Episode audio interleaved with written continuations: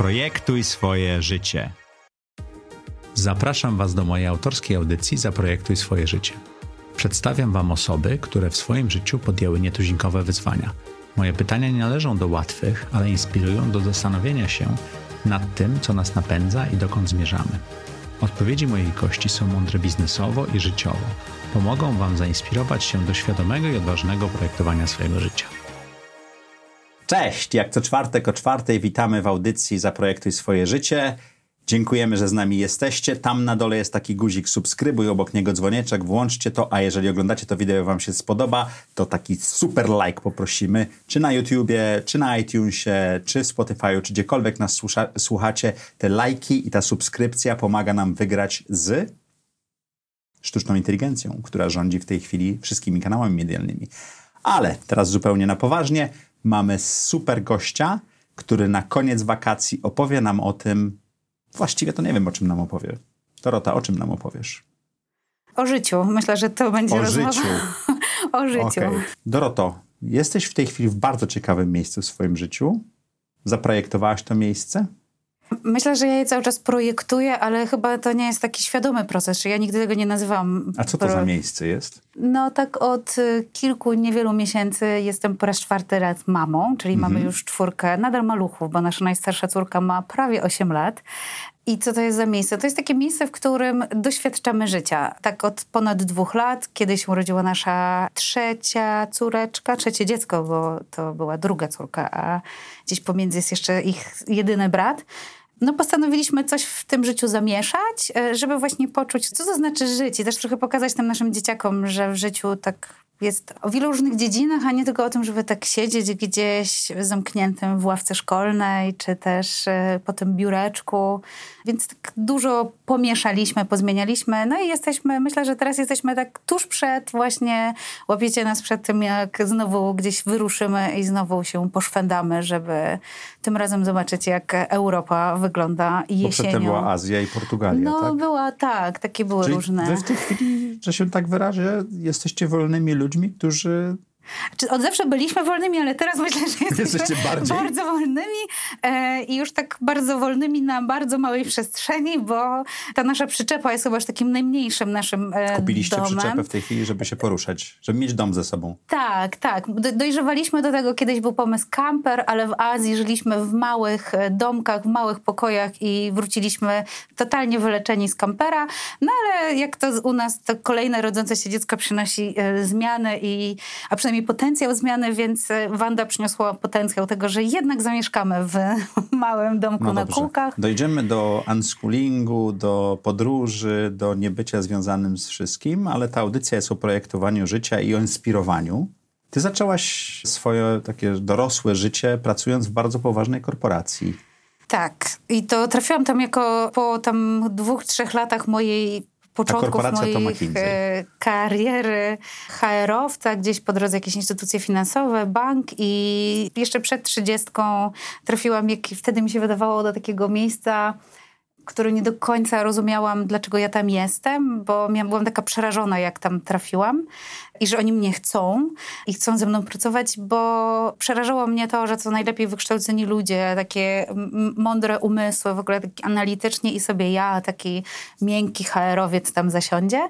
Ale przyznam, że to była ciekawa lekcja i szybko ją odrobiłam, czyli szybko odnalazłam, że jednak mam coś do zaoferowania w tym e, męskim, bo jednak to jest dość mocno męski świat i wnoszę jakąś wartość, więc e, tak, McKinsey było takim miejscem. Czego nauczyła cię praca w McKinsey'u?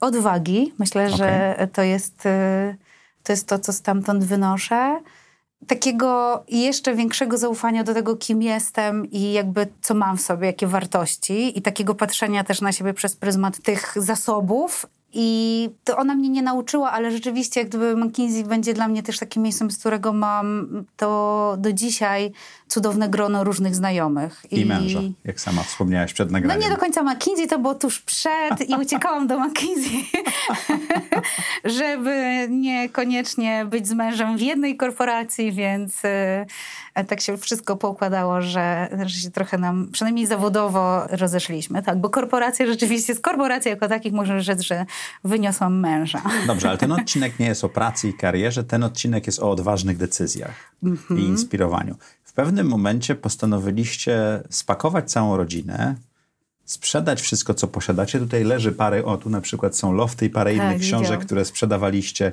i ja zakupiłem i całe wasze mieszkanie wyjechało na różnych aukcjach, a wy wyjechaliście z Polski. To było trzy lata temu? Cztery? W- No tak dwa i pół, tak. Marysia urodziła się pod koniec października i to był dla nas taki impuls, że dobra, to teraz będziemy mieć chwilę przerwy, no bo tam macierzyńskiej coś. I co my będziemy robić? No najpierw nas to przeraziło, że będziemy mieć trzecie dziecko, bo już nie planowaliśmy więcej, ale no nie byliśmy debiutantami, więc musimy się zorientować jednak, że, że tak się długo nie da. Więc pojawiła się Marysia i ona była takim impulsem do tego, żeby coś zmienić. Ale już tak zmienić trochę dalej, no bo nasze podróże gdzieś, odkąd mieliśmy dzieci, nawet wcześniej, one się gdzieś ograniczały do Europy i tutaj do tej części e, świata, a my mieliśmy taką potrzebę takiego trochę się poszwędania i właśnie zobaczenia, jak nam jest gdzieś indziej. Z I, dziećmi. e, No z dziećmi, no siłą rzeczy. Tak m, nie mogliśmy ich zostawić, nie bardzo mieliśmy z kim, nikt by się pewnie nie, na to nie pisał. I całe szczęście, dlatego że my naszą podróż azjatycką planowaliśmy najpierw, że to będą rzeczywiście takie wakacje na 7 tygodni, tak mieliśmy kupione bilety, ale jak już tam byliśmy, to stwierdziliśmy, że no tak, no już wynajęliśmy w szaleńczym tempie nasze mieszkanie, już je wysprzątaliśmy, te 10 lat życia po prostu... e, To spakowaliście 10 co lat się życia dało, i... to się sprzedało, co było atrakcyjne dla innych. Co się nie było atrakcyjne, a ważne rozdało. dla nas, to zostało w piwnicy. Aha. E, Taką anegdotkę, na przykład dla mnie wtedy ważna była cała torba wieszaków. I to była jedna z większych kłótni z moim mężem, który chciał je wyrzucić, a ja powiedziałam nie, Wieszaków będę... na ubrania. Tak, bo będziemy, wrócimy przecież do czegoś i gdzie ja będę A wieszać co się te stało z tą ubrania? torbą wieszaków? No za pół pory? roku jak wróciliśmy i przekopywaliśmy piwnicę w poszukiwaniu innych rzeczy na drugą część podróży, to je wystawiliśmy na śmietnik. Ale ja potrzebowałam pół roku, żeby się pożegnać mentalnie z moimi wieszakami jako takim, nie wiem, no, synonimem jakiegoś takiego domu, mojej szafy czy czegoś. Więc e, tak, spakowaliśmy w szaleńczym tempie, bo od zakupu biletu do wylotu to były niecałe trzy tygodnie. I to... Taki, taki pomysł na CITO był. No tak na CITO, bo liczyliśmy na takie bilety last minute, takie, Aha. że byliśmy gotowi wyjechać w każdym momencie, więc no, mm, a jeszcze jednocześnie udało się wynająć mieszkanie, tylko dziewczyny chciały je wynająć puste.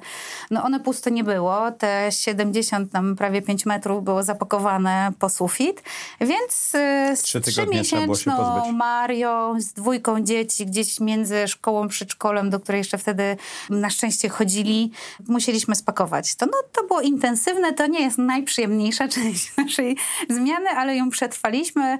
Kamil czekał na to, aż wsiądzie do samolotu i odpocznie, no ale z trójką dzieci, wiadomo. Nie odpoczął. E, No nie, dlatego, że dużo atrakcji, wiesz, te monitorki, piloty, więc... to- Jak długi był lot? no to była na szczęście z, lądowanie Doha e, do Bangkoku, no to tam łącznie kilkanaście godzin, ale jeszcze na lotnisku, mm, w tym transferowym lotnisku mieliśmy takie niezapowiedziane kilka godzin e, w nocy z trójką Opóźnienia. dzieci. Bez wózka, zaznaczę, bo tej podróży nie wzięliśmy wózka, więc byliśmy, mieliśmy, na szczęście tam były, skorzystaliśmy, więc mamy takie zdjęcie, gdzie takie od najmniejszej do największej z wystającymi stopami śpią na lotnisku, czekając do piątej czy szóstej nad ranem. Ale nie pojechaliście na 7 tygodni, pojechaliście na dłużej. No pojechaliśmy, wtedy jeszcze jechaliśmy na 7, ale już byliśmy na miejscu, stwierdziliśmy, że po co mamy wracać, tak nam dobrze, jesteśmy już blisko Bali, więc czemu nie zamienić biletów e, do To ile Polski. czasu byliście w Azji? No ponad 4 miesiące. Wow, więc to takie długie e, wakacje. No, trochę się przedłużyły. E, To było bardzo ważne doświadczenie na wielu różnych płaszczyznach. Tak? Dla nas jako dla rodziny, dla mnie jako e, człowieka, takiej mieszkanki ziemi, żeby zobaczyć inną część świata i jak ją... A nie byłaś w Azji przedtem? Nie. Okej. To była moja pierwsza podróż do Azji, e, więc spotkanie ze wszystkimi komarami i innymi owadami, które były wszędzie, nie należą do najprzyjemniejszych, ale się jakoś tam oswoiłam i przyzwyczaiłam, że po prostu te mrówki tam chodzą i To czego ta czteromiesięczna podróż i takie wylogowanie się, zapomnienie o wieszakach w piwnicy nauczyło cię? Myślę, że ja zrozumiałam i doświadczyłam, że ja nie potrzebuję być tutaj w Polsce, żeby być w kontakcie z ludźmi. To po pierwsze, że jednak te wszystkie narzędzia, internety inne pozwalają Ludźmi mi... z tego bliskiego grona tobie. Tak, bo to było zawsze coś, co mnie stopowało, że ja nie chciałam wyjeżdżać z Polski, no bo przecież tu mam moich przyjaciół, bliskich znajomych, no mam rodzinę, babcie, dziadki i inni, którzy chcą też widzieć nasze dzieci, ale okazało się, że mamy więcej interakcji, jak jesteśmy daleko, niż jak jesteśmy tutaj. To po pierwsze, ale myślę, że najbardziej no, no to, że nauczyła mnie, że mogę się spakować w bardzo krótkim czasie. Oprócz wylotów z Polski, no to tam też często zmienialiśmy, tak? Czasami to była jedna noc i ta e, trójka dzieci. I to niestety... Tak często zmienialiście miejsce przez te cztery miesiące? No byliśmy w różnych miejscach. Najdłużej byliśmy na Bali i na Bali najdłużej byliśmy dwa i pół tygodnia w jednym domu. A tak te dwa i pół tygodnia to było rzeczywiście... Tak, Długo. To, tak, a myślę, że w niektórych miejscach byśmy tylko po prostu nocowaliśmy, żeby rano ruszyć dalej, jak na Sri Lance i gdzieś. Jak was było stać na taką podróż? Ja byłam na macierzyńskim, Kamil robił projekty różne jeszcze wcześniej, które Część mu się udawało, część kiełkowało, a część też nie, bo mój mąż też jeszcze nawet chwilę wcześniej, bo wydaje mi się, że tak już dobre 6 lat temu postanowił, że jednak pożegna się z korporacją i sprawdzi mhm. swoich sił jako przedsiębiorca. Sprawdza do, do dzisiaj i mamy cały czas na to e, otwartość i gotowość. Oboje pracowaliśmy w korporacji, zarobiliśmy dość dobrze, to wydawało nam się, że nas stać na wszystko. No i jakby te pieniądze nam tak przelatywały. No i okazało się, że teraz trochę tam nasz budżet się zrobił dużo, dużo mniejszy. I jeszcze mamy teraz już czwórkę, wówczas w Azji trójkę dzieci. I że też się da. No da się w taki sposób, że no nie mieszkaliśmy w hotelach z pięknymi, błękitnymi basenami, a raczej jakimś bungalowie przy plaży. No to są nadal małe dzieciaki, więc mieliśmy tam, potrzebowaliśmy dwa podwójne łóżka co najmniej, co też się okazało wyzwaniem w Azji, bo Kamil jest wysoki, no ja też jestem dość wysoka i okazało się, że, że na przykład wystający nogi i gryzące komary akurat jego to nie najlepsza e, część tej podróży, ale przynajmniej ściągał wszystkie, bo nas już nie gryzły. No więc jakby ta podróż była też taką podróżą, że nie wydamy ogromnych pieniędzy, bo ich nie mieliśmy. To, co mogliśmy przed wyjazdem e, trochę sprzedać, pozbyliśmy się też naszego samochodu, no bo nie był nam potrzebny, bo już się też do niego nie mieściliśmy, więc jak myśleliśmy, że wrócimy, no to też byśmy wracali do innego samochodu niż do... Ale jak wróciliście z tej podróży z zupełnie innym nastawieniem już chyba do tego, co chcecie robić. Bez samochodu, bez mieszkania, bez tych wszystkich rzeczy, znaczy z wynajętym mieszkaniem, no, ale Mieliśmy drugi samochód. Okay. Cały czas mieliśmy w razie czego mogliśmy go jeszcze sprzedać, ale postanowiliśmy jednak się poszwendać i skoro już wyjechaliśmy i pozwoliliśmy się tych wszystkich rzecy i nasze mieszkanie było wynajęte, to wróciliśmy tylko po to, żeby się przepakować z samolotu do samochodu i popędziliśmy do Portugalii, bo to było zawsze nasze Samochodem. marzenie. Tak, żebyśmy. Najpierw trafiliśmy w okolice e, Lizbony i to też jest o takim zderzeniu się z marzeniami, no bo my mieliśmy taką wizję Portugalii tam sprzed kilku lat, do której jeździliśmy na wakacje, że będziemy mieszkać nad e, oceanem, szum fal i tak dalej. No i trafiliśmy w okolice Lizbony, nawet po drugiej stronie na półwysep Setúbal. No też ze względów na przykład budżetowych, bo tak też nie pomyśleliśmy, że akurat jedziemy w sam środek wakacji i wszystko będzie zajęte i zabukowane, jechaliśmy do jednej osoby, do matki z dwójką dzieci, z którą planowaliśmy zakładać tam szkołę demokratyczną. I mieszkaliśmy, wynajęliśmy od niej dwa pokoje i mieszkaliśmy no, znowu w fajnych dla dzieciaków warunkach, no bo natura, inne dzieci i coś. Natomiast no, to nie była nasza Portugalia, więc musieliśmy, zabrało nam to 2-3 miesiące, zanim zrozumieliśmy, że nie, hej, hello, my przyszliśmy, przyjechaliśmy tutaj, żeby słyszeć szum oceanu, a nie e, być daleko od niego. No na szczęście skończyły się już wakacje, więc mogliśmy się przeprowadzić i znaleźliśmy dom, bądź też on nas znalazł, bo to był dom rybaka na ostatniej wsi na zachodnim wybrzeżu Portugalii. E, Taki dosłownie dom rybaka. Tak, to dosłownie była rodzina. No tak, mieliśmy 900 metrów do oceanu, więc nad samą wodą nie, ale widzieliśmy i słyszeliśmy ocean. I rzeczywiście to był rybak, który nam tam podrzucał jakieś smakołyki e, niekiedy na obiad. To była wieś, to była spokojna portugalska wieś, bo to już był koniec września, kiedy tam zamieszkaliśmy. W listopadzie zrobiła się ciepła w ciągu dnia, ale już zimna nocą, portugalska wieś turystów było coraz mniej. Tak widzieliśmy te wszystkie kampery, które tam jeszcze docierają, takich ostatnich surferów, bądź też tych sezonowych, bo tam ten sezon na surfing zaczyna się nawet, bym rzekła, w październiku, listopadzie, a nie wcale w wakacje. No i tak się trochę tam nabyliśmy, nabyliśmy, wpadliśmy na święta do Polski i znowu nam się przedłużyło i zostaliśmy trzy miesiące. Wróciliśmy z powrotem do naszej chatki. A trzy miesiące w Polsce? No tak, no bo tak się zasiedzieliśmy. Okay. Taki, my nie, nie mamy takiego ciśnienia, Czy to nie jest że... planowane? Ten plan dzieje się tak z dnia na dzień. Mówimy o projektowaniu swojego życia. Znaczy, no Tutaj- w jakimś sensie projektujemy je, że na przykład decydujemy, że zostajemy, ale my nie Aha. mamy planu, że jak gdzieś przyjeżdżamy, to wiemy na ile. No chyba, że nas jakoś ogranicza, nie wiem, dostępność miejsca, ale Mhm. e, jednak podchodzimy do tego, nasze projektowanie polega na tym, że wiemy, że chcemy gdzieś być. I tam jesteśmy i to, co doświadczamy i gdzie nas to skieruje, jakby wpływa na nowy kierunek, więc tych kierunków i możliwości jest mnóstwo. Wydaje nam się, wydaje mi się, że to byłaby taka umiejętność, którą bym mogła porozwijać jeszcze, czyli większe projektowanie i planowanie, no bo wtedy możemy trochę więcej zrobić.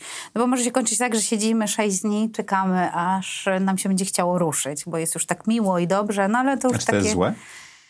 Wiesz co, no jak popatrzysz z perspektywy, że masz dwa tygodnie wakacji, to to nie jest złe, ale z perspektywy, że my już jesteśmy dwa lata trochę na takich wakacjach, to już jest czasami trochę męczące, no bo my wiemy, że tak może mijać każdy dzień, każdy dzień, każdy dzień. Dlatego też jak wróciliśmy do Portugalii, to wprowadziliśmy trochę więcej struktury w postaci planu tygodniowego i każdy dzień przyporządkowany był jakiś wątek. Czyli na przykład w poniedziałek był dzień nauki, cokolwiek to znaczy, ale to, ponieważ mamy dzieci i oni też muszą być jakoś zajęci, oni się oczywiście sami zajmują, ale czasami wiąże się to z ogromnym bałaganem i w związku z tym ja, leniwa mama, też y, jednak wolę, że na przykład będą poza domem i więc trzeba im coś zorganizować. Był dzień lodów, dlatego że też ważne jest dla nas zdrowe odżywianie. A i lody są zdrowe?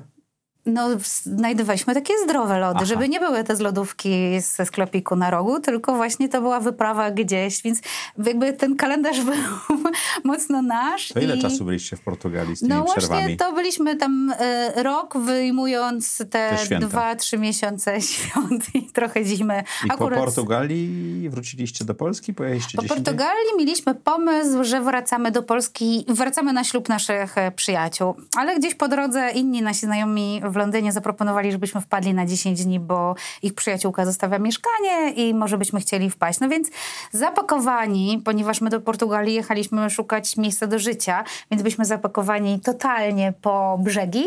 E, Ruszyliśmy z tejże Portugalii wycieczką jeszcze przez północ Hiszpanii, z deską surfingową ogromną w Na tym... dachu? No, ona była pod dachem, Aha, bo miałam ją nad głową. I tak ruszyliśmy, przejechaliśmy północ Hiszpanii, Francję i trafiliśmy na prom do Londynu, do Anglii, więc popłynęliśmy na 10 dni i te 10 dni stały się znowu naszym pomysłem na życie, że jednak zostaniemy w Londynie. to ile byliście w Londynie? No ostatecznie byliśmy, ja byłam ze 3-4 miesiące, a Kamil nawet trochę dłużej, bo prawie pół roku, a z różnych względów znowu się coś to pozmieniało. Ale jadąc tam na 10 dni postanowiliśmy, że Czyli nie dojechaliście na ten ślub w Polsce? no niestety nie. Nawet jeszcze miałam szalony plan, kupię bilety, przylecę, ale za dużo było to takiej logistyki i jednak e, mm, zostaliśmy w To Londynie. czego cię nauczyły te podróże? Ten Londyn, ta Portugalia? Nauczyły mnie tego, że, że taki dom, który miałam w takim moim wyobrażeniu, to nie jest budynek jako Cztery taki, ściany, dach. cztery ściany, tam półki z książkami, aczkolwiek no może książki były ważne, bo też z nami jeździły, e, to, to jednak jakby ten dom trochę sobie tworzymy, że mamy taką już liczną rodzinę, no wtedy jeszcze mieliśmy trójkę dzieci, że jednak ta banda już tworzy pewną taką, tak jakby zajmują przestrzeń i my wraz z nimi, że ten dom to jest trochę to miejsce, które my oswajamy na, na noc, na tydzień, na trzy miesiące. To jakoś tak to mnie nauczyło, że nie, że nie potrzebuję takiego miejsca, takiego zahaczenia stricte, gdzie mam wszystko, gdzie mam wszystkie swoje patelnie i e, laptopa i w ogóle piwnice z różnymi skarbami, tylko to jest, to jest takie bardziej taka przestrzeń, w którą my jako ludzie, my jako rodzina tworzymy. Mm, nauczyło mnie tego, że potwierdziło mi, że jednak dobrze jest znać angielski, bo to otwiera e, W jednak... Portugalii też? Czy w Tajlandii? No wiesz co, no tak, no mogliśmy się chociaż jakoś Okej. dogadać, nie? Gdybyśmy byli takimi podróżnikami nieznającymi angielskiego, to wydaje mi się, że byłoby nam trudno. Ale portugalskiego zaczęliście się uczyć? No zaczęliśmy. Mój mąż umie hiszpański, więc trochę mu szło tak jak po grudzie, bo e, to jest taki hiszpański, ale inaczej czytany. Ja takie podstawowe rzeczy, żeby się dogadać w sklepie, jakoś tam oswoiłam. Nasze dzieci też. Na przykład znały, poznały jakieś słowo bub po e, portugalsku, bo zbierały bub z e, siostrą pana rybaka w ogródku pod Aha. naszym domem. Więc nawet nie wiem, jak jest po angielsku, ale po portugalsku wiem, że jest fawarz. Okej. A słuchaj, a propos dzieci, no bo pojechaliście, te dzieci były w podróży, Mhm. e, dorastały, jak już powiedziałeś, już najstarsza ma 8 lat. tak. One się jakoś uczą? Czy, czy, to jest, pytanie, czy, czy, pytanie, to, czy chodzą do szkoły?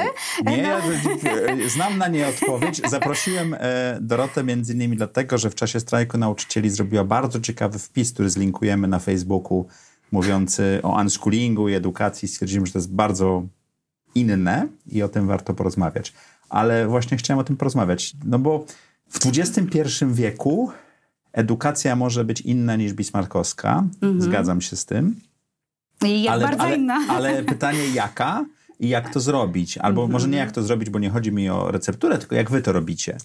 To rzeczywiście zaczęło się, jak urodziła się Hania. Te 8 lat temu zaczęliśmy się jakoś tak mocno e, zmieniać różne, albo w ogóle sobie tak uświadamiać pewne poglądy, na przykład na edukację kiedy szukaliśmy dla niej przedszkola, potem kiedy było rozważanie jaka szkoła i to się wiązało z tym, co my, w co my wierzymy, w cośmy chcieli przekazać tym naszym mm, dzieciom, bo ja nie wierzę w taką edukację za biurkiem. Nawet jak tam są najfajniejsze pomoce naukowe, mega dużo różnych inspirujących e, rzeczy, to jednak jakby ja nie wierzę w to, że takie dzieci kilkuletnie mogą sobie i się czegoś jakby, to jest im potrzebne, żeby siedzieć za biureczkiem. Może mając tam naście lat, to tak, ale myślę, że ten pierwszy pierwszy etap edukacji, tak jakbym rzekła do 10, do 10-12 roku życia, to dla mnie to jest jednak zabawa, doświadczanie świata, kontakt z naturą różnoraką, tak? Czy to jest plaża, czy to są góry, czy to jest woda. I jakby z tego wynika też to, czego oni się uczą, no bo każdy z nas, a jakby ja to widzę jakby po naszych dzieciach, a każdy z nas jako człowiek ma ten potencjał do tego, żeby się, że jest ciekawy świata. Mhm. I jak sobie przypomnimy nasze dzieciństwo i bieganie gdzieś po tych łąkach, lasach i po prostu tam struganie czegoś z patyczkiem i grzebanie w strumyku i wyrośliśmy dzisiaj na tych ludzi, którymi jesteśmy, to ja bym chciała dodać moim dzieciom też. Jak w e, praktyce to wygląda? Jak w praktyce. No, no powiedziałeś, że w kalendarzu zaczęliście wpisywać, że poniedziałek no, jest dniem na nauki. w Portugalii mieliśmy taką strukturę, tak. No jak byliśmy... A to bierzecie program od ministerstwa, czy jak to wygląda? E, znaczy formalnie to jest edukacja domowa mhm. i raz w roku Hania, bo Benio jest teraz, dopiero zaczyna od września tą formalną edukację, musi zdać egzamin zaliczający podstawę zdalnie? programową. Tak. Ponieważ jesteśmy w Polsce i żyjemy jednak, jakoś jesteśmy zakorzenieni w Polsce, to zapisaliśmy ją do polskiej szkoły. No i mieliśmy taką przygodę teraz wiosną, jak pojechali jechaliśmy i Hania pojechała na egzamin i anegdotycznie jak tam się pytają, no ale jak ty Hania się przygotowywałaś, tam jakieś babcie? No ja nic nie robiłam. No poszłam i zdawałam egzamin z angielskiego, takie tam jakieś mm, działania, równania i z komputerów. I no, no nie, no bo jakby to też jest o tym, żeby mieć takie miejsce, które rozumie, że to dzieci w edukacji domowej, czy w ogóle ja bym rzekła, że ja to w ogóle jestem unschoolerką, bo ja naprawdę nie jest tak, że zasiadamy z księgami i teraz się uczymy, tylko jest bardziej dzieciaki przychodzą z jakimiś pytaniami. Na przykład jak byłam w ciąży, mamo, jak wygląda ciąża kota? No i okazało się, że jest bardzo dużo filmów przyrodniczych o zwierzętach i również znaleźliśmy o różnych kotach. Czyli I... nauka biologii wynikała z ciekawości dziecka. Tak a nie z e, tego, że, we, we wtorek, że teraz jest, we wtorek tak. o 14.15 jest biologia. Tak, tak, absolutnie tak. Czyli to jest bardziej jakby z ich inicjatywy, bo im jak, się... Jak długa ta, ta lekcja o ciąży kota była? To było no tam 45 minuty? minut, ale ponieważ... Nie, nie, ale zrobiliście oni... po prostu długą, coś takiego? No i nie. oczywiście z tego wychodzą kolejne pytania, tak? Oczywiście. No bo tam te koty tu biegają, coś tam, a co u hipopotamów, a tu coś tam i jakby z tego wychodzi e, od razu cały cykl programów przyrodniczych, a ponieważ... Znaczy, e, ty, ale to raczej ty odpowiadałeś na te pytania, czy ty formułowałaś ten... Nie, no ja nie znam odpowiedzi na wszystkie pytania, które oni stawiają. Razem się uczyliście. I więc razem gdzieś grzebaliśmy w internecie, włączamy jakiś film i ja na przykład nauczyłam się, że magik to nie jest... Ja mam taki trochę umysł czasami jak dziecko. Jest ktoś taki jak Dynamo z książki o mhm. jakaś tam dla niezwykłych chłopców, czy, czy chłopców, którzy chcą nie być tacy zwykli. Tam była historia pana Dynamo i oglądaliśmy, jakie on tam robi te sztuczki magiczne. No i ja się uczyłam z nimi, że to nie jest prawda, że on chodzi po tej rzece, tylko rzeczywiście tam coś jest. Mój mąż od razu wiedział, że tam kładą jakieś plastikowe, szklane coś i on chodzi. Ale tak, takie jakby... tam jest pół, no parę tak, milimetrów ale wody, ja tak? jakby tego nie wiedziałam i byłam przekonana, że on ma jakieś takie zdolności, więc znaczy no, na takim poziomie umysłu dziecięcego wierzyłam w to. Jakby mi ktoś zapytał, jak to wygląda, no to muszę odpowiedzieć moim dzieciakom, że nie wiem, może tata Czyli nam odpowie. dzięki uczeniu dzieci ty też się uczysz. Absolutnie, więc najpierw obejrzeliśmy film jego, z jego sztuczkami, filmie, a potem oglądaliśmy film, który tłumaczy jego sztuczki, więc Ale to nie, nie jego film, rozumiem. No jakby... Ktoś tam zrobił Ktoś pokazywał, sekcję. no tak, no zdradził sekrety Aha. pana Dynamo, ale ja też się wtedy czegoś nauczyłam, więc bardzo mi się to podoba, bo jak byliśmy na przykład w Londynie, łaziliśmy po wielu muzeach, tak by też pokazuje właśnie, że można zrobić taką rundę trzy godziny i być w czterdziestu kilku salach, a nasze dzieciaki tak naprawdę im na trzy godziny wystarczyła jedna sala um, z którejś tam epoki, bo mieli mnóstwo pytań,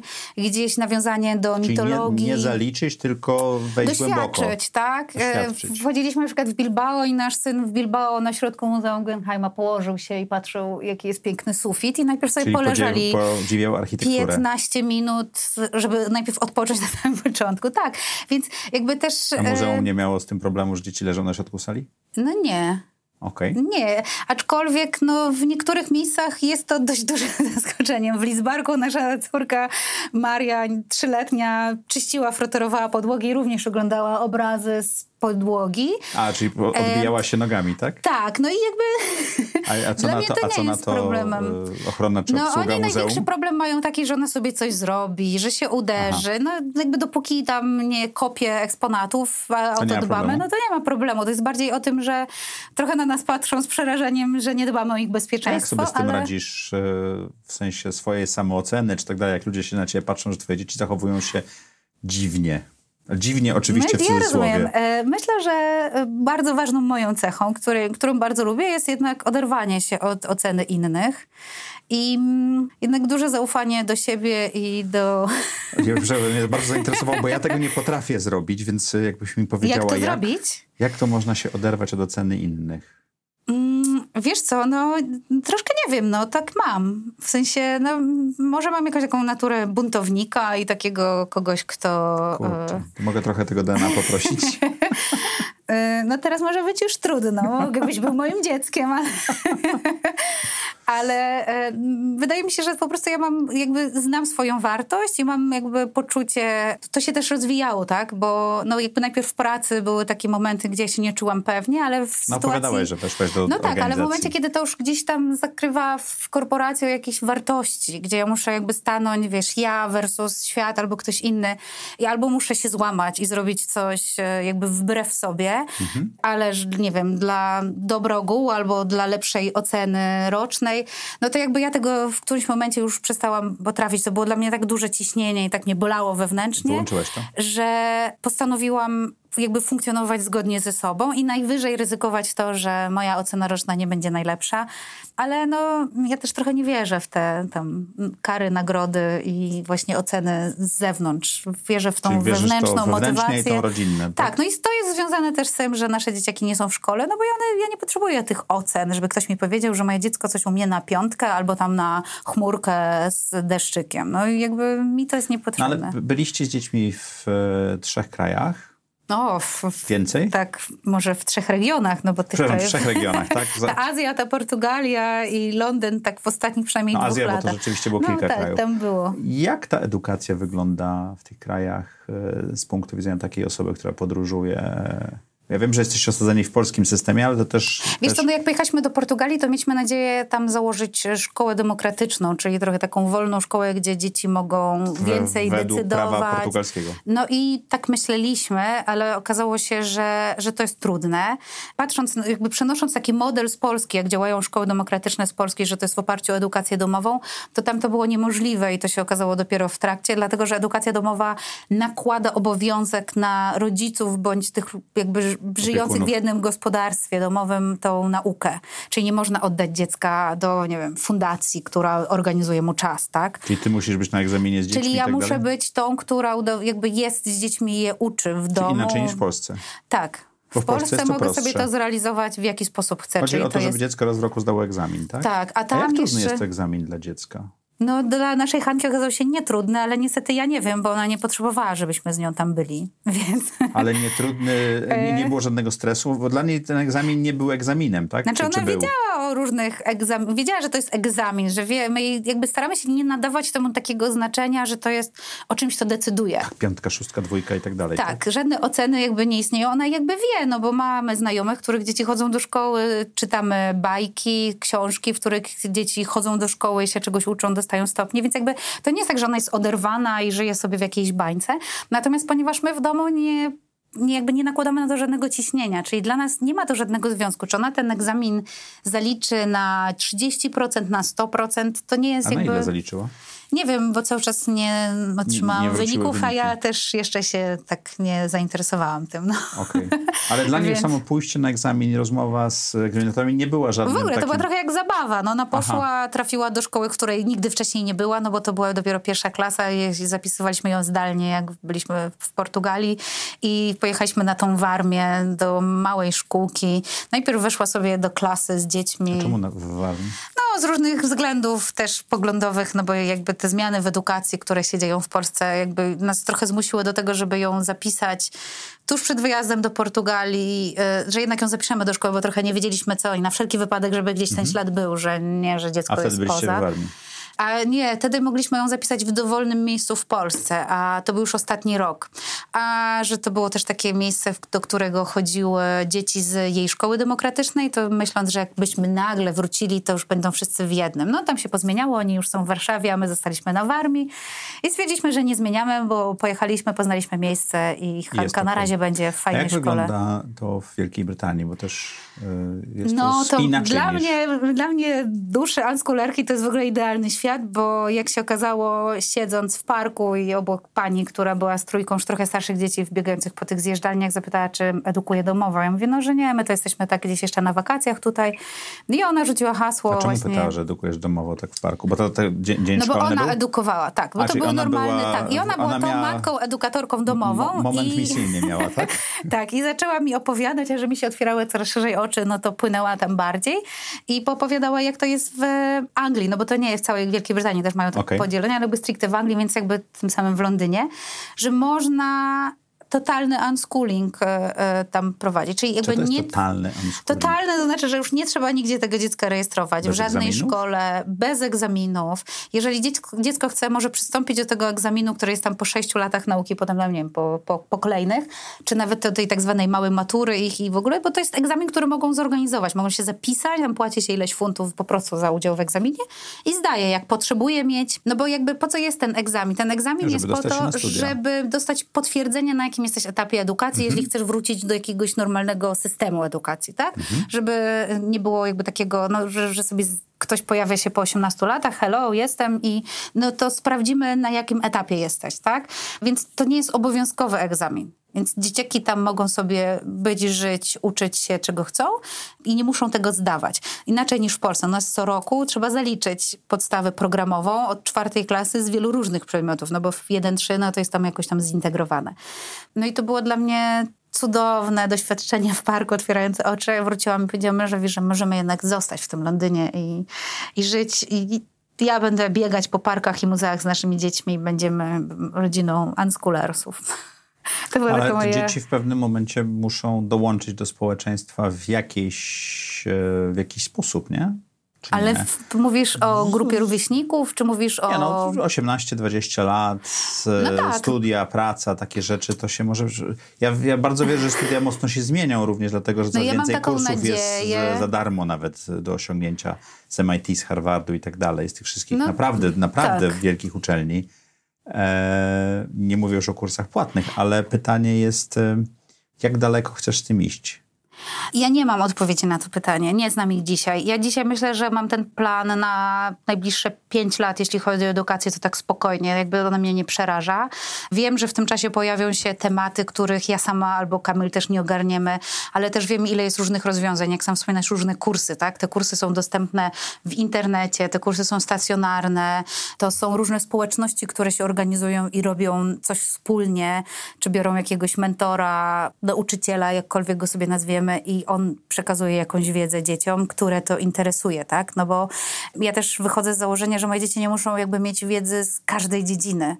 Że mogą być bardziej, nie wiem, interesować je, nie wiem, kogoś, jednego z nich programowania. Nie Ale wiem, nie wykluczasz możliwości, że dzieci zechcą wrócić do normalnego systemu. Znaczy one i... będą musiały wejść dopiero do tego, bo one jeszcze w nim nie były, nigdy nie były. W wej... Więc tak. czy będą chciały wrócić? Znaczy, no nie wykluczam tego, no i wtedy będziemy jakby rozmawiać. No bo Czyli ja... będziecie mieli reakcję na potrzeby. Tak. Tak, no bo jeżeli nasze dziecko nam powie, że chce wrócić do szkoły, a jakby zrozumiem, co się, jaka potrzeba się za tym kryje, czy to jest potrzeba towarzyska, bo chcą mieć grupę przyjaciół codziennie tych samych, czy to jest kwestia tego, że chcą siedzieć w ławce i czytać książki w szkolnej bibliotece. Jakby chciałabym zrozumieć, co za tym idzie, jaka potrzeba i czy można ją jakby też inaczej niż tylko w szkolnej ławce zrealizować, bo, bo być może tak, więc jednak bardzo mocno w naszym życiu jakby tam operujemy na tych potrzebach, a strategie ich realizowania są różne. Nie? Dobrze. Wracając do tych waszych trzyletnich wakacji już, no, takich prawie. Nawet, prawie no, tak, więcej? no możemy liczyć ją prawie trzy lata, no bo to tam Marysia będzie mieć zaraz właśnie w no październiku sprzedaliście, sprzedaliście... Tak, wyprzedawaliśmy się prawie trzy lata. Zawartość mieszkania, wynajęliście mieszkanie tak. i sprzedaliście samochód, ruszyliście w drogę, trochę w Polsce, tak. trochę w Portugalii, trochę w Londynie. Co dalej? E, no właśnie w międzyczasie tych podróży, one nam się trochę tam pozmieniały i zatrzymaliśmy się, no bo e, zapragnęliśmy jednak, że tak bardzo lubimy nasze dzieci, że jak już Maryśka tak wyrosła z bobasowego trybu, to że będziemy mieć czwarte dziecko i mhm. właśnie mamy kilkumiesięczną Wandę. No i to był taki czas trochę wyciszenia. Przyjechaliśmy do Polski i oczywiście trochę się poszwendać. Też. E, w mhm. naszym mieszkaniu przez chwilę też. Mhm. Jak te starsze dzieci zareagowały na powrót do tego miejsca? One już trochę nie pamiętały. Okay. Wydaje mi się, że. Znaczy, pamiętały układ y, mieszkania, jakby pamięta, trochę to pozmienialiśmy, bo oni teraz mieszkali w naszej sypialni dawnej, a my w pokoju, który. A nie było jakichś emocji z tym związanych wielkich? Nie, na początku, wiesz, ten wyjazd był trudny. Ta Azja była dlatego trudna, bo my ich tak wyciągnęliśmy z całego życia, z tego wszystkiego, co znają, do miejsca, którego w ogóle nie znają, nie mogą się komunikować, więc jakby tych więcej takich emocji związanych z domem jako przestrzenią było na, na początku, początku tej podróży niż a teraz mają tak, że mają takie punkty. Mój syn na przykład, o, jakbym zjadł chorizo z Portugalii, albo bym tam, najlepsze jajka były u pani Marii na od kurki z podwórka, albo poszedłbym na tą plażę, albo tam w Londynie to w takim muzeum, więc jakby mają takie, mam takie poczucie, że trochę im robimy ten dom, tak rozszerzamy, że, że te ściany, świat. tak, że oni mają jakieś takie wspomnienia i coś, co jakby z czym się wiążą ich jakieś emocje, te pozytywne doświadczenia z takimi punktami na świecie, co jest fajne, no bo albo możemy tam wrócić i będą to pamiętać, albo będą już to widzieć z innej perspektywy. To, to wracając do, do kolejnego pytania, do mojego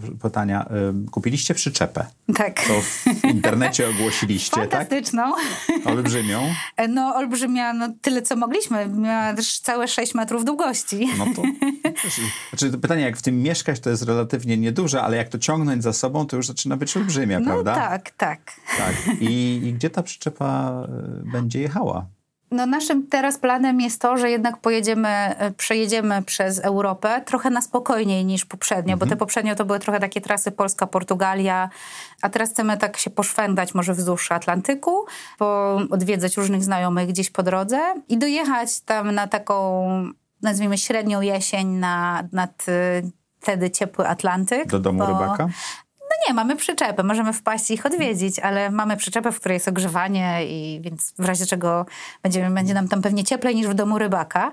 Ja jeszcze marzę o Sycylii, tak gdzieś może w październiku, żeby tam się... można na Sycylię? No, no promem? promem trzeba się przed. No więc cały czas moje niezrealizowane marzenie to jest takie trochę pomieszkania na dziko, czyli gdzieś zatrzymać się tą przyczepą, żeby było po prostu klif i ocean i że nie muszę być na kempingu, nie muszę być u kogoś na podwórku podczepione do prądu, tylko właśnie tak zobaczyć jak to jest. No jakby te A trzy jeżeli lata... się nie spodoba? No to spakujemy się następnego dnia, przejdziemy Aha. na kemping. No jakby to jest piękne To jest taka tak? wolna, tak, tak. Jak długo chcecie jeździć tą przyczepą?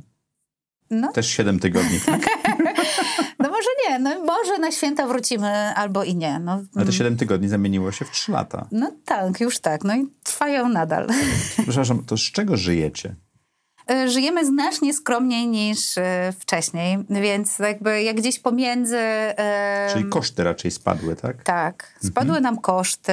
W momencie, kiedy wynajmujemy mieszkanie, też to nie jest naszym kosztem. Tym bardziej, że my jeszcze mamy nadal kredyt na to mieszkanie, więc Czyli to miesz- my- wy- my się trochę wynajem spłaca ten kredyt, tak? wyzwa- No prawie. Wyzwalaliśmy się też, ja się z takich, wiesz, mentalnych ograniczeń, że wiesz, mam kredyt, y, tyle dzieci i tak dalej, że to będą takie strasznie duże pieniądze. No i jakby to podróżowanie pokazuje, że nie.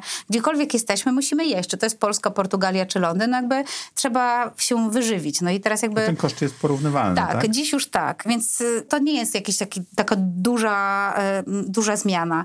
To, że możemy wynająć mieszkanie i ten kredyt jakoś częściowo się spłaca, no to, to też już jest trochę więcej luzu, tak? I jak mamy przyczepę, to nie musimy wynajmy, teraz wynająć na przykład mieszkania gdzieś, A, bo tak? to oszczędza dużo. No tak, no tylko ewentualnie, tak? ewentualnie, znaczy no z jednej strony tak, ale z drugiej strony też o tym, że to jest też daje nam wolność, czyli że możemy tak naprawdę mieć dom w każdym miejscu, no bo ta przyczepa Mhm. jest trochę takim namiastką domu, tak? Mamy tam swoje ubrania, dzieci Najwięcej, zabawki, więcej mamy... niż jedna deska się zmieści wtedy. E, No tak, ale też jest ograniczenie jednak masy dopuszczalnej, ile ona może mieć i ile może No ale pociągnąć samochód. No mamy akurat lekką, więc się zmieści. Mam nadzieję, że już nie będziemy kupować kolejnych, ale że będziemy korzystać z tej jednej i jeszcze sobie inne gadżety pokupujemy, niż tylko deski surfingowe. No dobrze, to te trzy lata w podróży, czego cię nauczyły? Bo to troszeczkę już o tym powiedziałeś, że tak przestałaś się obawiać i tego typu No tak, rzeczy. one mnie uwolniły od tych różnych takich, jakbym powiedziała, takich haczyków, które powodują, Haczyków. no takie, które trzymają w fotelu, wiesz, że nie mogę czegoś zrobić, no bo, bo mamy dzieci, to jest takie przerażające, bo te dzieci, co zrobić z dziećmi 24 godziny na dobę? No bo Co my, się robi z dziećmi 24 godziny na dobę? po pierwsze, nie mamy ich 24 godziny na dobę, bo te dzieciaki są zainteresowane swoimi rzeczami. Ja nie będę z nimi biegać tam po łąkach i zbierać patyczków, więc one mają dużo wolności. Ale jak i... dziecko biega, to coś może mu się stać. No, no może, no ale no to mają zdarte kolana, tam drzazgi i różne inne, więc jakby to, to, to, to też jest o takiej mojej wolności zgodzie na to, że, że one też doświadczą życia w bolesny sposób. Na początku to będą uderzenia, spadnę z drzewa, no to oni się też czegoś uczą, tak? Uczą się swoich możliwości, gdzie one się kończą i gdzie jest ten ich maks, ale też jak przejść To ponad... jakie jeszcze haczyki? No te finansowe, myślę, że to było dużo, że, że właśnie, że to wydaje się, że to jest duży... bezpieczeństwa finansowego? Tak, ale że to też jest taki duży nakład finansowy, ale w momencie, kiedy właśnie jak się tam zadba, no można mieszkać na przykład w domu rybaka, który nie wynajmował nam za jakieś straszne A ile pieniądze, kosztowało nie? wynajęcie tego domu rybaka? No my płaciliśmy, wydaje mi jak z tego co pamiętam, jakieś, nie wiem, miesięcznie za jakieś 500 euro plus, nie wiem, 50 za jakieś takie, wiesz, tam prąd, gaz i coś, tak? No więc... Czyli no to jest, dwa, i pół tysiąca no złotych, tak, tak? tak. No i mieliśmy cały dom? salon, dwie sypialnie, kuchnię. Aha. Więc y, wiesz, no to było, jakby ta wioska nie oferowała nic więcej, bo tam nie było, no może były luksusowe wille, ale były Portugalczyków i oni nie byli zainteresowani, żeby nam wynająć willę z basenem poza sezonem. No więc Z, mieliśmy... z taką ilością dzieci, tak? No tak, my, nigdy nie wiadomo, nie co- widzieli tych dzieci, jak się ich pytaliśmy, czy, czy jest dom na wynajem. Ale ten dom rybaka też miał swoje, swój urok, no. W sensie był, no miał wszystko, co potrzebowaliśmy, tak? To Łazienkę, kuchnię haczyki? to, co mi pokazała podróż. Wiesz co, no jest taki jeden aspekt, który jest dość, wydaje się, że go cały czas przerabiamy, że te podróże też w naszej relacji z Kamilem też dużo zmieniają i, i my też jesteśmy 24 godziny razem, tak? Też można by rzec. pomaga, czy... No czasami, Czy... czasami jest dość trudne i dość intensywne, no ale to też wtedy pokazuje, uczy, że my mamy potrzebę każdy z nas jakiegoś swojej przestrzeni, że po jakimś czasie, jak się już tak zanurzyliśmy za bardzo wszyscy, to tam nam wyszły frustracje i jakby to za... A jak sobie dajecie przestrzeń takich ograniczonych No wiesz warunkach? co, no na przykład teraz ja jestem u was, a mój mąż spaceruje z dziećmi. Bo on jest aktywnym tatą, A zaangażowanym, ma z, z iloma dziećmi? czwórkę. Kamil w tej chwili z czwórką dzieci jest Tak. na spacerze? Tak, no Musimy tak. szybko kończyć wywiad, żeby mu trochę On pomóc. przeżyje, no. No to dziękujemy Państwu. I tak wygląda życie Dziękujemy, do widzenia. dużej rodziny. Matka już wybiega. Nie, no jakby on jest, o- oswajał. To też nie jest tak, że mu zlądowało nagle czwórka dzieci. No mieliśmy je stopniowo, więc się też uczył, jak z nimi być. To jest też tak, że, bo to jest przerażające, jak ludzie słyszą, że my z czwórką dzieci w ogóle wszyscy tak. razem gdzieś jedziemy tak, w małej, że to od razu wszyscy tak, że to jest takie, a nas to nie przeraża, dlatego, że nasze dzieciaki są super fajne. Zawsze, one się, czasami się nudzą, ale najbardziej się nudzą już w momencie, kiedy jesteśmy w domu, tak? Jakbyśmy, jak teraz mieliśmy te dużo, trochę miesięcy, no i wrócili z domu, gdzie było intensywnie, mieliśmy w domu moich naszych przyjaciół, gdzie było dużo dzieci i oni wrócili następnego dnia, nudzi mi się. No i, no więc jakby one są też w tym takim trybie nomadycznym, że, że, żeby doświadczać świata, a nie być zamkniętym w czterech ścianach. I one są niemęczące gdzieś na zewnątrz. Ja jestem matką, która z czwórką dzieci od razu, nie wiem, Wanda miała nam kilka tygodni, dwa czy trzy, poszłam z nimi na spacer jak jesteś taka uwolniona z tych haczyków. No. Tak? Tak te dzieci zaczną być coraz starsze w pewnym momencie. Tak. Nie, nie powiem, że pójdą do szkoły, bo nie wiemy. No gdzieś pójdą. Ale planujesz wracać do pracy, zastanawiasz się nad tym, chcesz to zrobić. Mhm. To macierzyństwo w twoim wydaniu w XXI wieku może być bardzo różne, tak? Tak, no jak sobie pomyślę o tym, że, że mając czwórkę dzieci, oboje gdzieś jesteśmy w takim tradycyjnym modelu, że robimy karierę, cokolwiek to znaczy, tak? Czy pracujemy u kogoś, czy mamy swoją firmę, to to jest dla mnie przerażające, dlatego że ja jednak świadomie wybrałam, że chcę mieć tyle dzieci i świadomie wybrałam, że chcę z nimi ten czas, kiedy one są jeszcze dziećmi, spędzić i nie chciałabym, żeby to ktoś inny je wychowywał i przekazywał wartości, tak? Przynajmniej w takim dużym kawałku części dnia, więc to jest mój świadomy świadomy wybór. Świadomie zatrzymałam też swoją karierę zawodową, ale też trochę nie wiem, gdzie ona będzie za 3-5 lat, tak? W sensie, co ja będę chciała robić, bo... A świat się bardzo szybko teraz toczy. Ja nie, nawet nie mówię o tym, że robisz Jasne. przerwę, no. E, bo to jest naturalne, ale kiedyś przerwa 5 czy 10-letnia miała inną wagę niż teraz, kiedy technologie i i wszystko tak szybko się zmienia. Tak, ale ja jestem takim człowiekiem pracującym z ludźmi. Czyli jakby moja kariera w korporacjach okay. była związana z takimi miękkimi HR-ami, okay. jestem coachem, więc jakby mnie to nie przeraża, że ja sobie zrobię 10 lat przerwy, bo ja nadal jakby ćwiczę na moim podwórku z tymi, z czwórką dzieci. Absolutnie moje skille negocjacyjne myślę, że nawet się rozwijają lepiej niż w korporacji. Więc ja nie mam takiego, wiesz, takiej działki, że ja coś umiem i trzy lata przerwy i ten świat po prostu mm -hmm. jest w ogóle już gdzieś w innym miejscu, mhm. bo to, co ja umiem, co jest moim asetem jako potencjalnego pracownika, przedsiębiorcy czy kimś, jest jakby ciągle we mnie A i się rozwija. biznesowe teraz na tych wakacjach, żeby trzymać Nie. tą wiedzę? Nie, wyłączyłeś. Czytasz to, co cię interesuje. Tak? Absolutnie, tak? to, co mi podpowiada Facebook, więc muszę chyba też go wyłączyć, bo bardzo mnie no, tak jakby, Można wiesz... zarządzać tym, kto na Facebooku ci podpowiada No też, można, nie? no ale to jakby mm, tak... To a propos książek, to polecam tą książkę Educated, tak. która jest o dziewczynie, która wyrwała się z rodziny mormońskiej, gdzie był unschooling, ale nie taki e, programowy, tylko raczej e, religijno z inne, inna motywacja. Tak, ale zrobiła później doktorat na Oxfordzie. A ja polecam e, zamiast edukacji, taką John Holt. Zamiast edukacji? Tak. Kto napisał? John Holt. No właśnie ukradłeś mi pytanie, bo tam potem mamy takie pytanie pod koniec zawsze, ale to już mamy, książka, która... No to wymieniamy się na razie o edukacji. Dobrze. Jeszcze która jest, jest tam jeszcze parę innych. Dobrze. Bo to nie tak, że nie czytam. A trzy rzeczy, które chciałabyś robić za trzy lata? To bardzo długi czas, ale myślę, że... Tak, dlatego nawet zastanawiam się, czy nie zadać ci dłuższego czasu, nie? Nie, nie, nie, bo ty te Jasne. krótsze terminy to chyba rozumiesz, ale trzy rzeczy za trzy lata może być skomplikowane. Chciałabym spróbować, bo to jest coś, co jakby jest takim moim marzeniem też takiego, jest związane z tym moim naszym szwendaniem się, podróżami. Chciałabym mieć taki dom, ale taki dom... Stacjonarny? Mm, mieć takie miejsce, które możemy nazwać domem, ale to nie jest tylko taki dom, w którym mieszkam ja. Czyli, że nie wiem, czy to jest jakiś duży dom z wieloma pokonia, pokojami, gdzie tam jest sporo ludzi. Taki, Czyli multirodzinny?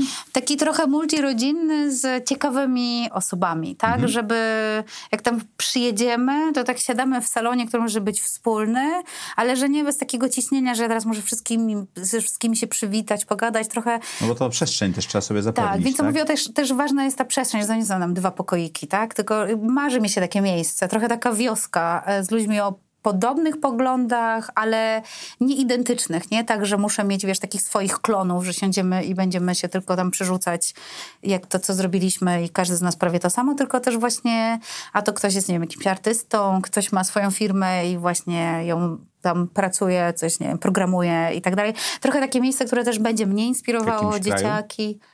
No ja bym rzekła, że teraz mi brakuje, że, ja wiem, że jest lato i gorąco, ale jednak ciepełko. Ja lubię e, gdzieś, gdzieś jest ciepło. Co prawda Hiszpania. klimat się zmieni, no może niestety, więc może okaże się, że to jest tak już wszędzie. Ale jednak potrzeba też mi takiej przestrzeni, czyli nawet ocean, Dobrze, a nie morze. Dom to jest jedna rzecz za trzy lata, tak. a jeszcze dwie? Kurczę, może, może wreszcie bym napisała książkę. O, o czym? no o takim życiu, o kobiecie, może nie biografię, autobiografię, ale, ale jednak o trochę o tym moim ja bym chyba chciała napisać, już miałam taki pomysł rok temu, zapisałam się na kurs pisania książki, założyłam swoją grupę na Facebooku, czy tam jakąś stronę na Facebooku, tam coś wyrzucałam i tak zastopowałam, bo moja energia się gdzieś indziej przekierowała. Ale myślę, że chciałabym wrócić do tego pomysłu i takiego podzielenia się podzielenie się tym, że jak to prawdziwe życie wygląda, no bo jakby sobie mogę opowiadać o tych fajnych elementach, że to jest takie fajne, że taka wolność, ale przy tym jest też cholernie dużo logistyki, też jest dużo takiej wewnętrznej zmiany i mierzenia się ze sobą jako człowiekiem, w relacji z drugim człowiekiem, więc chciałabym jakby też e, o takiej ścieżce, nie wiem, rozwoju, też, też bym chciała... Ale poradnik czy historia? Ani to, ani to. Okej. Okay. Dom, książka? Trzy lata. Mam nadzieję, że nie wpadnie mi już pomysł, że będę chciała mieć piąte dziecko, bo na razie się wyczerpuje moje pokłady. Ale no może nie wiadomo, bo może już Wanda też urośnie i zapragniemy mieć, znowu mieć fajnego bobasa w domu, ale znaczy, no nie, myślę, że już wtedy trochę więcej przestrzeni. Trzy lata, trzy lata. Hmm. Może bym się czegoś nauczyła. Tak, a już wiem. Wydaje mi się, że chciałabym tak zaśpiewać na jakiejś dużej scenie. Hmm. Nie umiem jeszcze śpiewać, ale trzy lata to bardzo a? dużo. No Marzy dobrze. mi się też jakiś taki występ Czyli gdzieś. w dużym domu wszyscy czytają twoją książkę, a ty a wieczorem ja śpiewasz przy ognisku, tak? No, może nie przy ognisku, przy jakichś bardziej reflektorach, wiesz, kolorowych światłach. A, w ten sposób. Dobrze. No dobrze, ciekawa wizja. Jaką masz supermoc? Myślę, że ja mam taką, taką zdolność do, taką nadal trochę nieokiełznaną do inspirowania ludzi mhm. takiego pociągania czasami tłumów, ale też to jest coś, co, co ja się trochę uczę z tym, trochę jak ten Harry Potter mm, wiesz, że miał jakąś moc, on trochę sobie z jej nie stawał złamaną, sprawy. Złamaną różdżkę, tak? I trochę taką siłę, którą też musi, no, ja się uczę, mimo prawie 40 lat, trochę ją tak się nią posługiwać, bo zdaję sobie sprawę z tego, że ja mam tak czasami bardzo wysoki poziom energii, on może porwać tłumy, ale ja też mam tak, że mi się na przykład coś szybko nudzi i potem odchodzę, odwracam się napięcie, a te tłumy jeszcze tam są. I też takiej odpowiedzialności za to, co robię, tak? Więc też takiego ukierunkowania to tej ty energii. inspiratorem w rodzinie? No myślę, że jest trochę e, mhm. tej mocy u nas w rodzinie mhm. ode mnie. A jakie osoby wokół ciebie mają na ciebie największy wpływ? Czy takie osoby istnieją, tak? Dziś największy wpływ, tak y, najwięcej wyzwań to stawiało mi moje dzieciaki. Tak w sensie mhm. rozwojowo to myślę, że, że to absolutnie jest... Czyli musisz y, się uczyć razem z nimi. Wiesz tak? co, no ja muszę też się uczyć czegoś o sobie i mhm. niestety te lekcje czasami są bolesne. Na przykład? No na przykład tak, że taka wolnościowa mama też bardzo lubi kontrolować. Jak tak skontroluje to środowisko, to będzie mi bezpieczniej, tak? Że jak tak powprowadzam... Znaczy odkryłaś to w sobie, tak? No tak, no i to jest, wiesz, to, jest, to nie jest fajne, bo w długiej perspektywie tak się nie da, no bo wolność i kontrola jakoś mi się tam nie spinają. Więc jak chcę im dać wolność, to jednocześnie odpuszczam sporo z mojej, z mojej kontroli i czasami Czyli jeszcze... nie masz poczucia bezpieczeństwa. Wydaje mi się, że to wynika z tego, że nie jestem wtedy tu i teraz, wiesz? Ta moja mhm. kontrola mhm. to wynika też z tego, że ja sobie wyobrażam, że za chwilę właśnie wydarzy się to, to i to, albo tu będzie wielki bałagan, albo oni coś i jakby trochę ich tak ograniczam. No i co z tego powinnam sobie zadać i trochę być jednak w tym miejscu teraz i podoświadczać i ewentualnie się z nimi umówić albo mhm. podzielić tym, co się we mnie dzieje, więc... Ale no rozumiem, że nie tylko mówimy o dzieciach, i o, bo nie wszyscy... Mówimy o tobie. Więc... Ta, ten program jest o inspirowaniu. Powiedziałeś, że twoją supermocą jest inspirowanie. No jasne, ale ja myślę, że absolutnie naprawdę wierzę, że dzieciaki są super nauczycielami. Dobrze. Mam pytanie a propos, czego się teraz uczysz? Ale tak w sensie Czyli w ogóle chłonięcia wiedzy. Bardziej wiedzy niż książki? doświadczenia. No to jakby taką działką, która mnie interesuje, to jest szeroko pojęta kobiecość. Okej. No i jakby myślę, że uczę się wiele takich rzeczy, nie tylko o tym, co to znaczy być mamą jako kobieta, ale w ogóle jakby co to znaczy być kobietą i jaką kobietą chcę być w świecie i jaką wizję kobiecości chcę przekazać moim Ale trzem córkom. I to autorefleksję, czy też wiesz co, czytasz no, jakby rzeczy? czytam, e, albo biorę udział w jakichś warsztatach, e, czytam i tu kolejny punkt, książka, o no to tak... E, to Książka, która, tak? Książka, która bardzo mocno na mnie wpłynęła i jest tak w moim w ogóle całym, tak jakby ciągle w takiej mojej wirtualnej e, bibliotece, jak mam podrzucać tytuły, to jest książka Amerykanki Naomi Wolf, e, Wagina, nowa biografia. Mhm. To jest taka Jest po polsku też? no niestety jest po polsku, ale jest niedostępna i lep, lepiej jest dostępna po angielsku. W sensie można ją mieć i w wersji papierowej i w wersji... Tak, e, ale ja ją przeczytałam najpierw po polsku ze względu też na to, że to jest też taka książka z takim słownictwem takim bardzo czasami takim medycznym, tak? Bo to jest też o jakiejś biologii, o różnych nerwach. w ogóle. Tak, żebym w ogóle wiedziała troszkę, mm, co to jest za nerw, o którym ona pisze. Po tej książce miałam ochotę zapisać się na roczny taki trochę kurs y, anatomii człowieka, ale też połączony. Medyczny. Trochę medyczny, tak, tak. Więc może, o, może za trzy lata będę, na, będę stanę się lekarzem, to jeszcze za Dobrze, to szybko. tak ale- jakby spojrzeć na wasze życie z boku, nie chciałbym, żeby to zabrzmiało oceniająco, ale to tak trochę żyjecie w chaosie. Czy to jest kwestia zaprojektowania go w ten sposób, czy to jest w wyniku tych decyzji, które podejmujecie na bieżąco, nie przejmując się długoterminowymi konsekwencjami, czy coś innego? Wiesz co, to ja nie wiem, czym się nie przejmujemy tymi konsekwencjami, bo my je znamy. Przez te nasze trzy lata już jakby widzieliśmy, Aha. do czego prowadzą różne nasze decyzje szalone i chaotyczne. Ale możecie się z nich dość szybko I też wycofać, troszkę tak? się wycofujemy. No, czasami jest y, jakby to okupione też jakimś stresem. Mhm. No to jest jakiś forma, dla nie wiem czemu chaosu, no bo y, Mówię, patrząc z boku. Nie, nie, E, Ja rozumiem, jakby gdyby to tak popatrzeć, że rzeczywiście no, nasze życie nie wygląda, że wstajemy, jemy śniadanie, jedno z nas gdzieś tam wychodzi, a drugie odwozi dzieci i tak dalej. My jemy śniadanie trochę później. Jasne, no to jest trochę szaleństwo, że możemy sobie z dnia na dzień stwierdzić, dobra, to pakujemy te rzeczy i jedziemy. jedziemy. Tak, no to może trochę tak wyglądać, ale jest trochę związane z tym, że my podejmujemy świadome decyzje mm, To, o a propos tych decyzji, z których trzeba się wycofać i były trudne i tak dalej, to jakaś taką decyzja, czy mogłabyś opowiedzieć, że podjęliście jakąś decyzję, okazała się... To było to, to trochę taki szalony powrót z Azji, bo my tam w tej Azji, będąc na Bali, skontaktowaliśmy się właśnie z tą, z tą dziewczyną, która chciała zakładać szkołę demokratyczną i to było naprawdę na takiej fali szaleństwa. Tak, Jedziemy. to pakujemy się już z tego Bali, z tej Azji, wracamy do Europy, pakujemy samochód, jedziemy, bo przecież Portugalia to było to nasze miejsce, e, w którym zawsze chcieliśmy żyć. No i to było takie no, trudne doświadczenie, bo okazało się, że się po pierwsze e, tak formalnie trudno jest tą szkołę tak po prostu tam W Portugalii. zorganizować w Portugalii.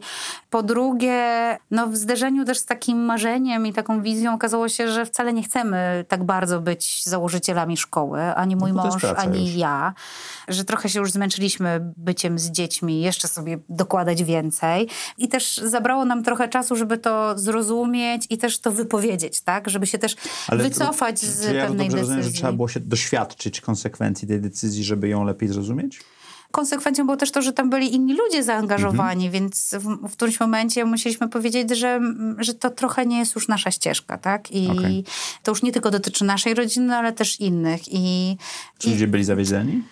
Ostatecznie myślę, że nie, dlatego że ten projekt po prostu jeszcze mógłby sobie trwać ze względu na tempo pracy w Portugalii i tych południowców, więc jakby to nie było tak, że to były już zaawansowane prace i projekt, który startował od 1 września, a my 30 tam lipca, może nawet sierpnia się wycofujemy.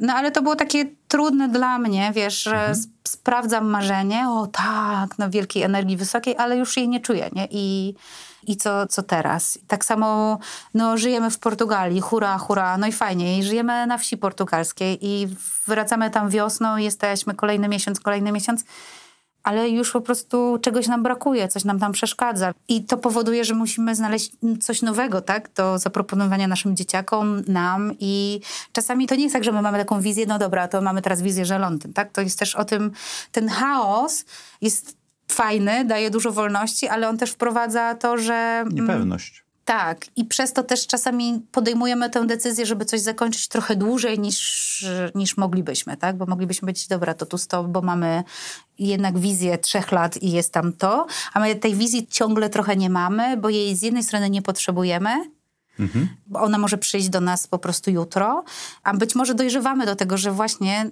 po tych trzech latach takiego bezwizyjnego albo takiego wizyjnego na hip hip hura, może na przykład trochę więcej spokoju i gdzieś takiego ym, planu. A jaka była najlepsza decyzja, którą podjęłaś w życiu? No myślę, że bez tego faceta bym tego nie zrobiła, więc najlepsza była, jak zaprosiłam do tego, żeby tam po kilku dniach znajomości mój obecny mąż jednak się wprowadził do mnie i żeśmy sprawdzili, czy To tak nam szybko, się... żeście się tam Tak. spiknęli? Aha. To była najlepsza, no bo to jest trochę też tak, że... No, całe życie potem jest konsekwencją tego wyboru, tak? Tak. I ona była szalona, kompletnie bez... Ale e, myślę, że to było Ale coś, nie musiałaś co... się wycofywać tak jak w Portugalii. No nie, jeszcze nie. myślę, że już trochę będzie trudno. Jednak spaceruję z dziećmi. Dobrze. nie. Słuchaj, co chciałabyś, żeby nasi słuchacze i widzowie zapamiętali z tej rozmowy? Taka minuta inspiracji. Ja bym jednak e, zarekomendowała rodzicielstwo i nawet e, takie liczne, bo można się uśmiechać i można być leniwą mamą bądź leniwym tatą i mieć dużo dzieci, ale tak na serio to chciałabym, żeby jednak e, zostało z tej rozmowy to, że żeby jednak nie bać się zmian, no w sensie tak Nie próbować bać się tych haczyków.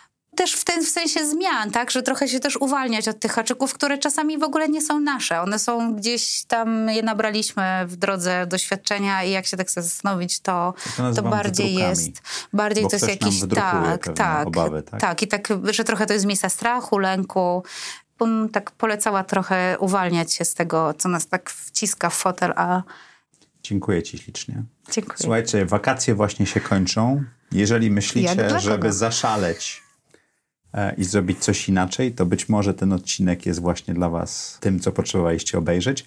Bardzo wam dziękuję. Nie zapomnijcie kliknąć na lajka, subskrybować i jak co tydzień w czwartek o czwartej zapraszam was do audycji Zaprojektuj swoje życie. Dziękuję ci ślicznie. Dziękuję, Dziękuję. wam.